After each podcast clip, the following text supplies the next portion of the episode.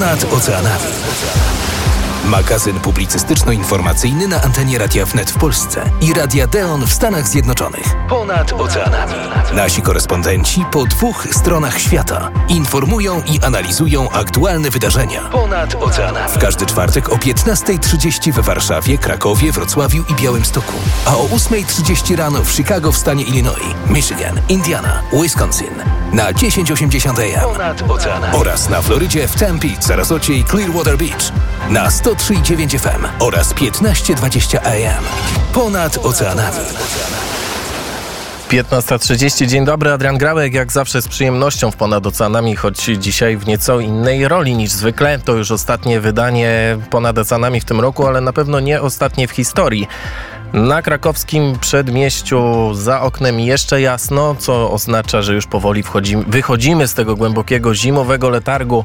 Jest z nami też oczywiście Sławomir Budzik, niezawodny współgospodarz audycji. Sławku, dzień dobry, co za oknami w Chicago? Dzień dobry, dzień dobry Adrianie. Witam Państwa. Rzeczywiście e, końcówka e, tego roku, a my przecieramy oczy ze zdumienia, jaką mamy aurę e, w Chicago. Grudzień na pewno będzie najcieplejszym w ogóle chyba w historii, na pewno w dekadzie miesiącem. Tak ciepło nie było dawno.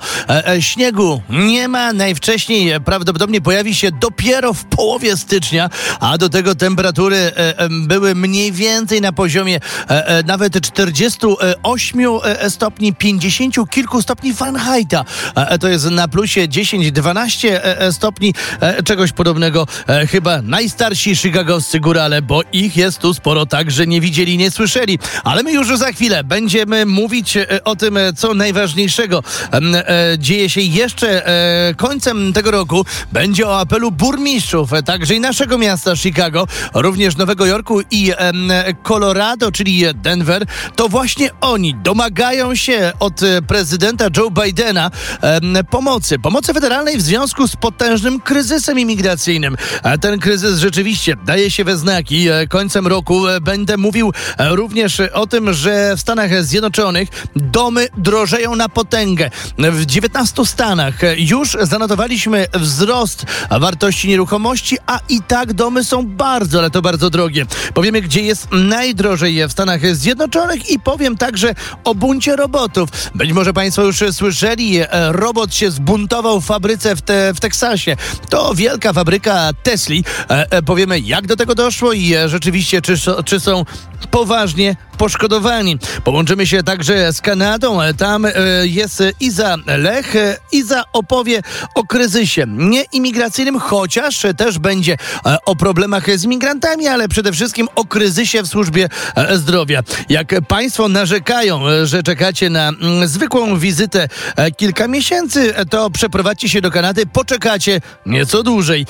Z Izą Lech połączymy się już za chwilę, a Ewa Generalczuk na Florydzie czeka i powie o strzelaninie w Tampa Bay. E, wielkie e, świętowanie, prezenty i oczywiście e, także wielka tragedia. Otóż rodzeństwo pobiło się, pokłóciło się, a potem zastrzelili się. Wzajemnie zaczęli się strzelać. Właśnie poszło o świąteczne prezenty. Będzie także o kilku nowych ustawach, które wchodzą w życie e, u progu nowego roku 2024. Tak więc nie zabraknie ciekawych e, relacji z różnych zakątków e, amerykańskiej ziemi i kanadyjskiej. Także, a zatem zaczynajmy. Ostatnie w tym roku wydanie magazynu Ponad Oceanami. Startujemy i przenosimy się prosto na Florydę do Ewy Generalczuk. Ponad oceanami. Witam serdecznie i cały czas świątecznie wszystkich słuchaczy magazynu Ponad Oceanami w ostatnim w tym roku wydaniu z niestety deszczowej i chłodnej Florydy. Rok 2023 kończy się wieloma postanowieniami na przyszły rok i wieloma zmianami w prawie Florydy, a niektóre z nich zaczną obowiązywać od stycznia 2024 roku. Wśród projektów ustaw zatwierdzonych przez legislaturę Florydy i podpisanych przez gubernatora Rona DeSantisa znajduje się mm, prawo m.in. dotyczące aresztowań, dochodzeń dotyczących dzieci i rejestru osób niepełnosprawnych, a także korzystania ze 175 parków publicznych stanu. Od 2024 roku tylko sędzia będzie mógł na Florydzie decydować o kaucji oskarżonego, niezależnie od tego, czy ją ustala, obniża, czy też w jakikolwiek sposób zmienia. A ustawa przyjęta przez obie izby mm, legislatury Florydy przenosi odpowiedzialność za dochodzenie w sprawie ochrony dzieci z siedmiu biur szeryfa z powrotem do Departamentu Dzieci i Rodzin. To tylko niektóre prawa, które wejdą w życie na Florydzie w 2024 roku. Natomiast niestety święta dla jednej z rodzin w rejonie Tampa Bay nigdy już nie będą takie same. Śmiertelna strzelanina w Wigilię Bożego Narodzenia, która wynikła z kłótni o prezenty świąteczne, kosztowała życie młodej kobiety i tym właśnie żyje Floryda. Według szeryfa hrabstwa Pinellas Boba Gultieriego dwaj bracia w wieku 14 i 15 lat wdali się w kłótnię o to, ile prezentów świątecznych dostaną. Gultieri powiedział, że gdy bracia się nadal kłócili, krewny próbował rozdzielić nastolatków i wyprowadzić czternastolatka na zewnątrz. Wtedy właśnie 23-letnia siostra wyszła za bratem na zewnątrz i zaczęli ponownie się kłócić. Czternastolatek strzelił jej w klatkę piersiową. Władze poinformowały, że piętnastolatek również uzbrojony postrzelił z kolei swojego czternastoletniego brata w brzuch. Młodszy nastolatek został przewieziony do miejscowego szpitala i przeszedł operację. Czternastolatek, który został oskarżony o morderstwo pierwszego stopnia i posiadanie broni palnej, zostanie przeniesiony do aresztu Departamentu Sprawiedliwości dla na Florydzie. Piętnastolatek jest oskarżony o usiłowanie morderstwa pierwszego stopnia i manipulowanie dowodami rzeczowymi. A na koniec mam też dobrą historię, niczym z ponadczasowego filmu. Kevin sam w Nowym Jorku. Otóż sześcioletni chłopiec poleciał z samolotem na święta Bożego Narodzenia, aby odwiedzić swoją babcię w południowo-zachodniej Florydzie, a przynajmniej tak myśleli rodzice chłopca. Zamiast tego został umieszczony w niewłaściwym samolocie i wylądował 260 km dalej w Orlando na Florydzie. Kiedy babcia pojawiła się na międzynarodowym lotnisku Southwest Florida w Fort Myers, aby powitać swojego wnuka, który po raz pierwszy leciał z Filadelfii, powiedziano jej, że nie ma go na pokładzie.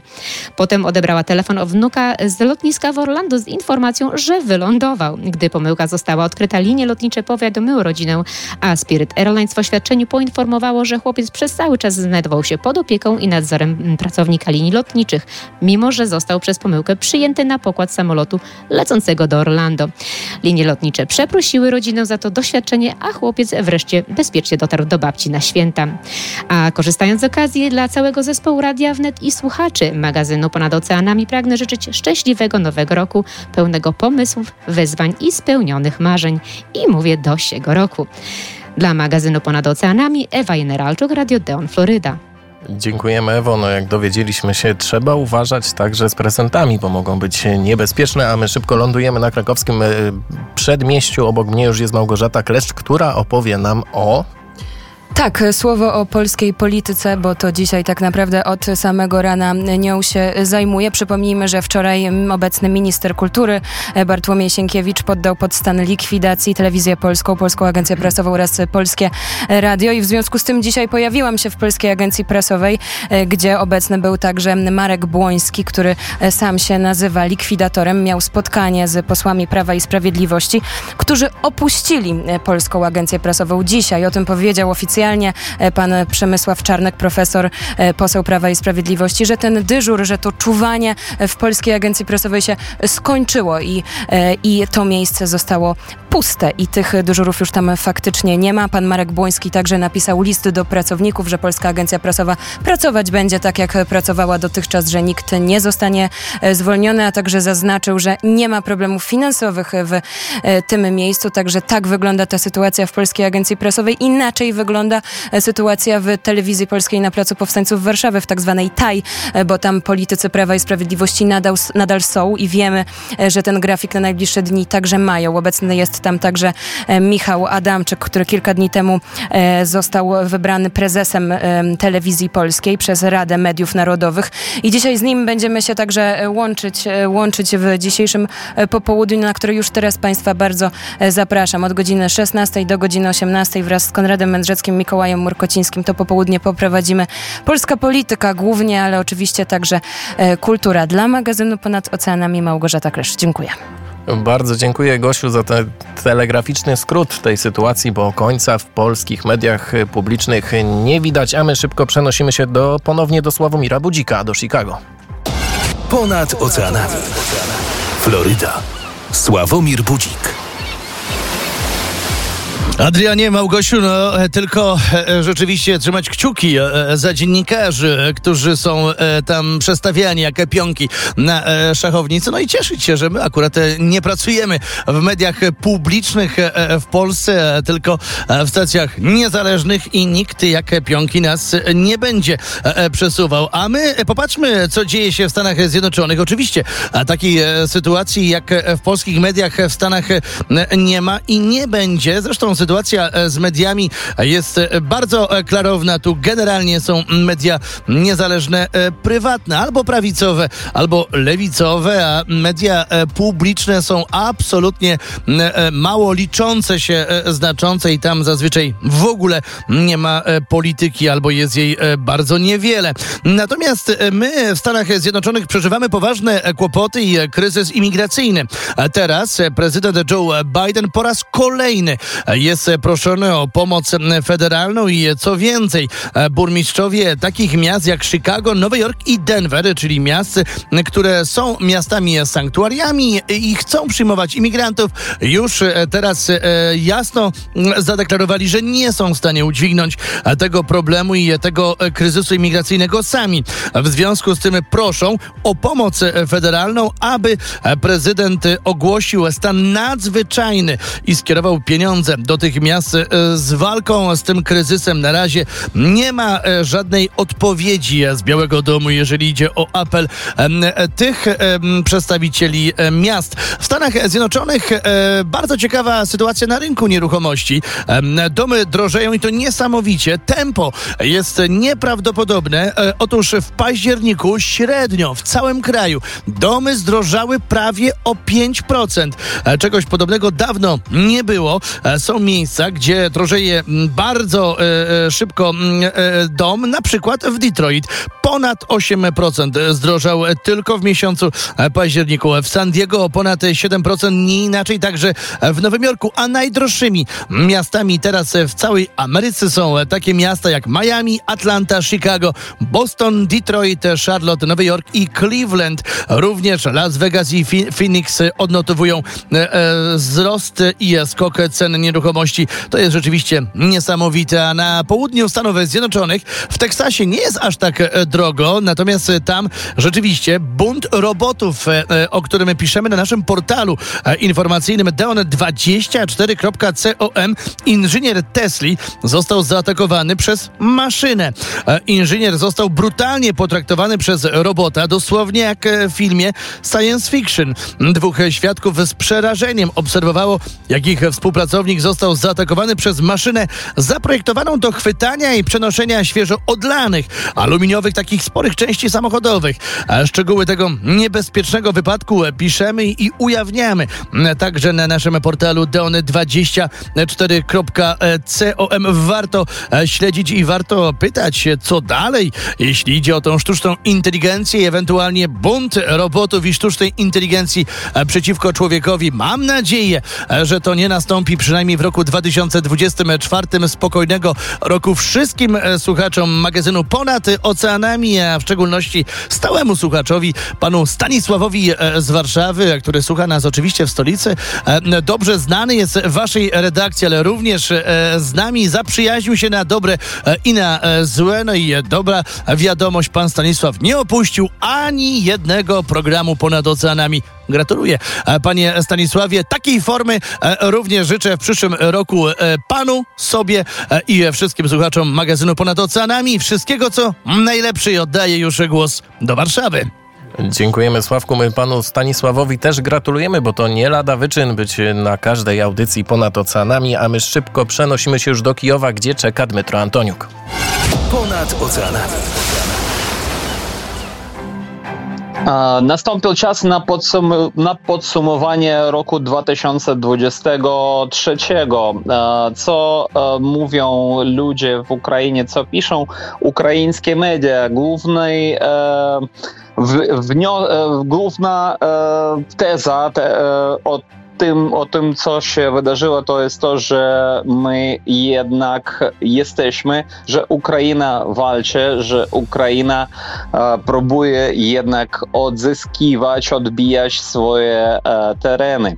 Mimo to wszystko, co jest, bo mm, ostatnio e, też w społeczeństwie ukraińskim wie, jest dużo negatywu, jest dużo pesymistycznych takich nastrojów, ale z innej strony trzeba powiedzieć, że my zniszczyliśmy ponad 330 tysięcy naszych wrogów, czego nie było od czasów II wojny światowej. I co ważne, że ukraińskie wojsko niszczy tak dużo ciężkiego sprzętu rosyjskiego, że Rosja nawet razem z dostawami amunicji z z e, północnej Korei, z Iranu nie jest w, stanie za rok e, nie tylko e, wznowić, nie tylko wyprodukować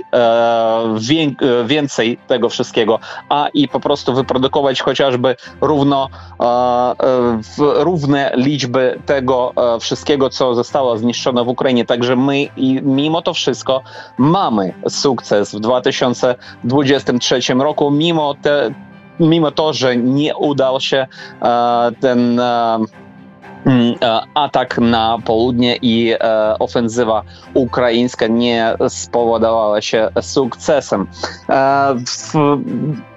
Przyszły rok dla Ukrainy e, może być oczywiście bardzo ciężkim. E, to też tym wszystkim, co jest na Zachodzie, e, tym, że my nie dostaliśmy od Stanów Zjednoczonych e, tej e, pomocy, o której prosi prezydent Joe Biden i nie dostaliśmy finansowania od naszych partnerów w Unii Europejskiej. I to już według informacji z Ministerstwa Finansów Ukrainy może przyczynić się do tego, że my, Ukraina, nie będzie, rząd ukraiński nie będzie w stanie wypłacy, wypłaciwać e, pensje na przykład e, w emerytom, a e, też nie będzie w stanie płacić po prostu w, dla nauczycieli i medyków i tak dalej, i tak dalej. To może nastąpić już od kwietnia miesiąca, jeżeli Ukraina nie dostanie pomocy finansowej od, od naszych partnerów. Także przyszły rok dla Ukrainy Ukrainy e, może być naprawdę ciężki, jak na polu walki, tak e, i e, na polu walki z wrogiem, na polu walki finansowej, gospodarczej, na każdej warstwie, ale my jesteśmy w stanie wojny, to, to trzeba o tym pamiętać. No i co do nocy sylwestrowej w całej Ukrainie, oprócz obwodu zakarpackiego, obowiązuje nadal e, godzina policyjna. Także godzina policyjna nie została specjalnie zniesiona w nocy sylwestrowej, kiedy dużo Ukraińców zwykle e, chodzą e, w gości jedni do, do innych, więc od godziny 12, od północy do godziny 5 w większości e, obwodów ukraińskich godzina policyjna będzie. No i cóż, mm, my e, znów powtórzę, jesteśmy w stanie wojny wojny i trzeba o tym pamiętać ale e, większość Ukraińców według e, ostatniego sondażu, który był e, przeprowadzony e, wczoraj i przedwczoraj, jest jednak pozytywnie nastawiona i wierzy w e, zwycięstwo Ukrainy. No a ja, e, Dmytro Antoniuk ze studia kijowskiego, znów życie najlepszego naszym e, słuchaczom, słuchaczowi wnet też e, i wszystkim słuchaczom e, magazynu Ponad Oceanami i życie do siego dobrego nowego roku. Dziękujemy Dmytrze, Tobie też życzymy i całej Ukrainie więcej spokoju w nowym roku, a my przenosimy się już za ocean, gdzie witamy ojca Pawła Kosińskiego. Ponad oceanami. Witam, witam bardzo serdecznie wszystkich naszych słuchaczy.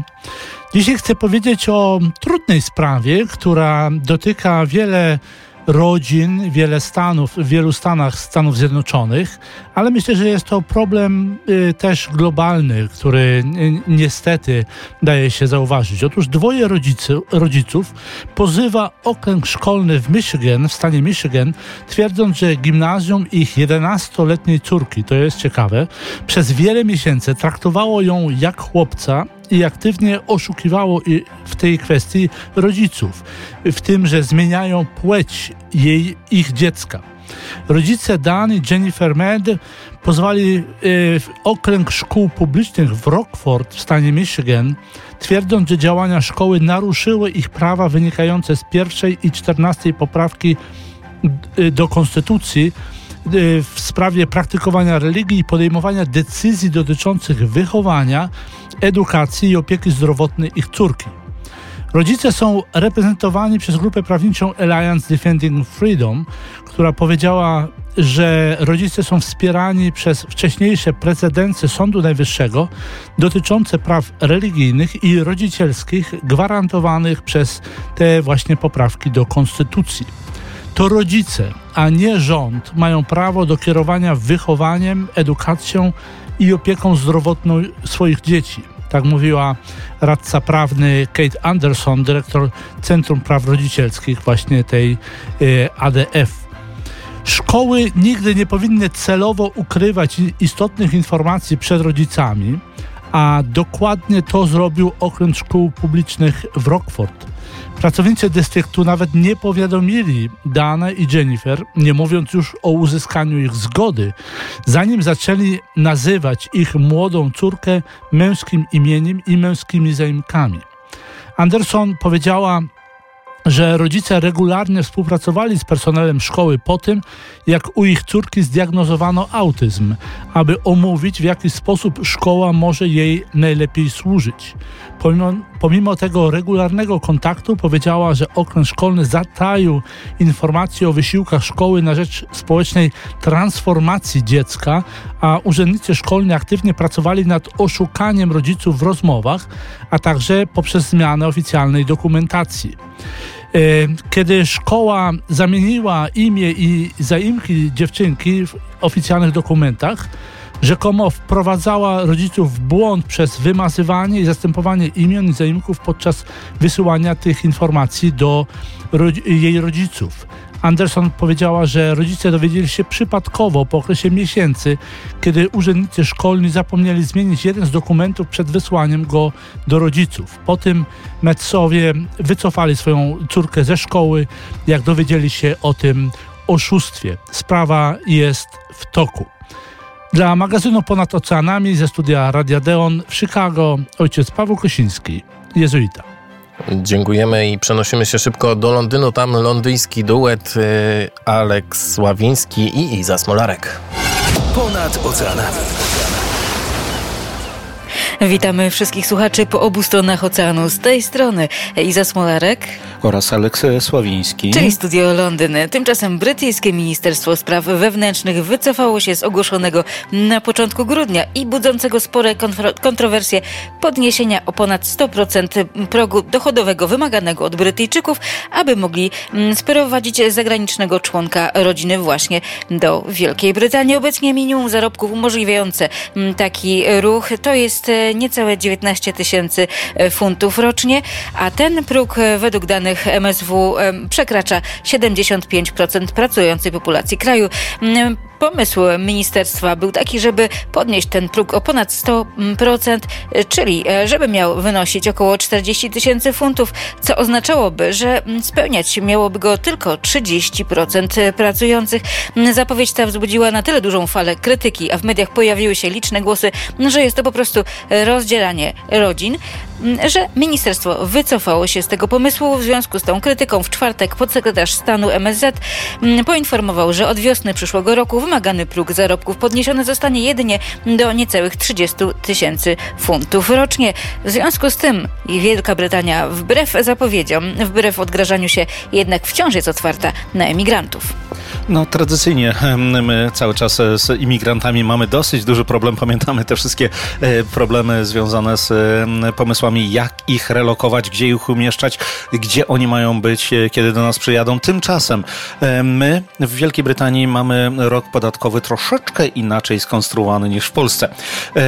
Ponieważ tutaj rok podatkowy zaczyna się od 1 kwietnia albo weekendu, który jest obok 1 kwietnia. I już 6 marca mamy dowiedzieć się, jak wygląda następny budżet na 2024 rok.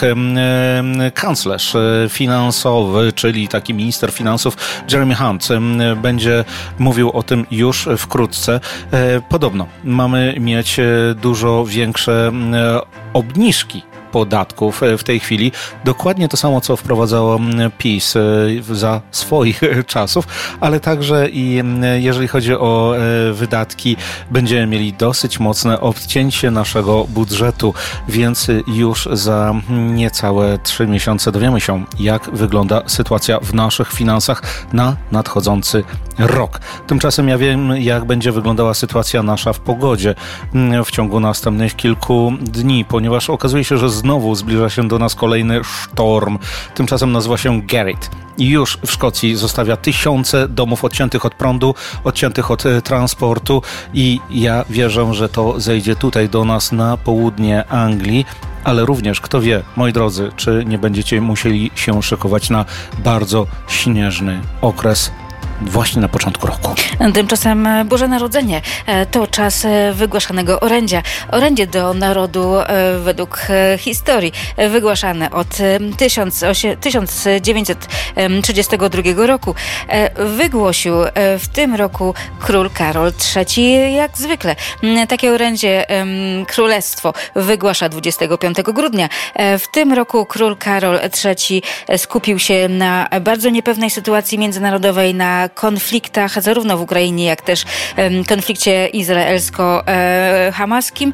Natomiast też podkreślił bardzo mocno współpracę między narodami. E, bardzo mocno to też podkreślał w swoim orędziu kwestię ekologii, ponieważ wiadomo, że dwór królewski jest e, tutaj w Wielkiej Brytanii bardzo proekologiczny. Swoje orędzie wygłosił też premier Wielkiej Brytanii, Rishi Sunak, e, który nie cieszy się zbyt dobrą opinią, pomimo tego, że w swoim orędziu próbował troszeczkę zadowcipkować i nawiązał do Kevina samego w domu, czyli słynnego filmu e, i próbował bawić się też z kotem Larry, który jest starym, stałym domownikiem e, ten Downing Street. E, wydało się, że kot Larry nie za bardzo przepada na, za Rishim Sunakiem.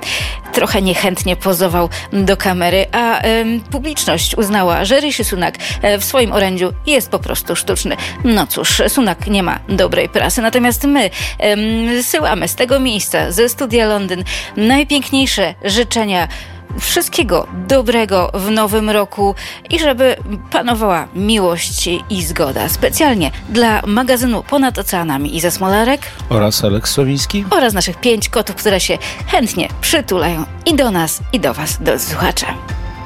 My do Izy i Aleksa oraz kotów wysyłamy także najpiękniejsze życzenia, a teraz Iza Lech prosto z Toronto ponad oceanami. Dzień dobry Państwu, witam wszystkich serdecznie po raz ostatni w tym roku. I chociaż umknęło nam ostatnie spotkania, to dzięki wirusisku, które głos i zdrowie mi odebrało, to dziś prężnym już głosem donoszę, co piszczy w kanadyjskiej trawie tuż na mecie Starego Roku. I tak, chociaż rząd Justina Trudeau nie ukrywał, że zwiększył imigrację do historycznie wysokiego poziomu, to najnowsze dane kanadyjskiego Urzędu Statystycznego dotyczące wzrostu populacji wciąż przyprawiają o zawrót głowy. W ciągu zaledwie trzech miesięcy, od 1 lipca do 1 października tego roku, Kanada przyjęła dodatkowe 430 635 osób, z czego tylko 4% można przypisać urodzeniom. Kanadyjski Urząd Statystyczny odnotował, że tylko przez pierwsze 9 miesięcy roku 2023 wzrost liczby ludności w kraju był wyższy niż jakikolwiek inny pełny rok od czasu Konfederacji w roku 1867. Dodając wisienkę na torcie, Justin Trudeau zapowiedział oficjalnie, że nie ma zamiaru łatwo oddać swojego stanowiska i że będzie walczył o reelekcję. A gdy ludzi wciąż przybywa w Kanadzie, ubywa mieszkań, miejsc pracy i co najgorsze lekarzy. Szczególnie dostępnej opieki zdrowotnej.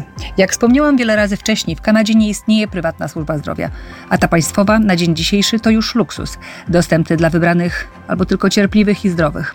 Bo oto według liczb w całej Kanadzie na operację oczekuje obecnie prawie 632 tysiące osób.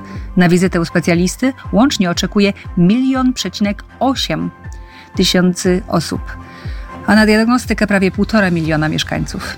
Najgorzej sprawy mają się w Ontario, gdzie oczekiwania na badania diagnostyczne wzrosły o 43,8%. To na pewno nie napawa optymizmem. A jeszcze bardziej martwi fakt, że spolegliwym Kanadyjczykom tak naprawdę nie przeszkadza to. A jeżeli nawet by przeszkadzało, to i tak się o tym nie dowiemy, bo takie wiadomości są skrzętnie zamiatane pod dywan medialnej cenzury. Ogólnie rok 2023 był rokiem pełnym wyzwań dla Kanadyjczyków, stojących w obliczu szczytowej inflacji. Składnik żywnościowy wskaźnika cen towarów i usług konsumenckich wzrósł w ciągu 12 miesięcy o prawie 6%. Miliony osób zwróciły się o wsparcie do banków żywności, a poziom ich wykorzystania był najwyższy w historii tego kraju. Nawet gdy ceny niektórych artykułów zaczynają spadać, ogólny rachunek za artykuły spożywcze typowej kanadyjskiej rodziny w dalszym ciągu wzrośnie o 700 dolarów w przyszłym roku. Mijający rok był trudny w każdym zakątku kuli ziemskiej. Wszyscy odczuliśmy popandemiczną inflację, wyniszczającą moc wojny i niezgodę międzyludzką. Dlatego mam ogromną nadzieję, że nowy rok przyniesie tak zwany reset, powrót do tego, co ważne i tego, co potrzebne, do zrozumienia, dobra i tak po prostu człowieczeństwa. Tego Państwu i sobie życzę. Do siego roku. Dla magazynu Ponad Oceanami Iza Lech, Radio Deon. Dziękujemy Izo. Prosto z Kanady przenosimy się jeszcze na moment na Florydę, bo tam Sławek Budzik dobija się z życzeniami. Życzenie co niemiara, rzeczywiście jak e, strumień e, wody. E, natomiast tak a propos tych kotów, no to ja moje dwa koty także dorzucę z tymi życzeniami do Izy i do Aleksa. Mnóstwo kociaków, jak się okazuje, w naszych redakcjach i bardzo dobrze, bo to niezwykłe są przytulańce. Ja Państwu dziękuję osobiście za to, że Państwo wybieracie nasze stacje Radio Wnet w Polsce i Radio Deon w Stanach Zjednoczonych. E, Życzę e, redakcji e, w Warszawie, redakcji tu u nas, a w Stanach Zjednoczonych takich sił, takiego zaangażowania, takiej energii i ambicji również w roku 2024. Do siego pięknego, cudownego i obfitego w sukcesy roku dla Was, drodzy słuchacze, dla Waszej redakcji i do usłyszenia już za rok. Dziękuję serdecznie. Sławek Budzik. Dziękujemy Sławku. Oczywiście krakowskie przedmieście dołącza się do tych życzeń dla ludzi, dla kotów, tych redakcyjnych i tych nieredakcyjnych dachowców.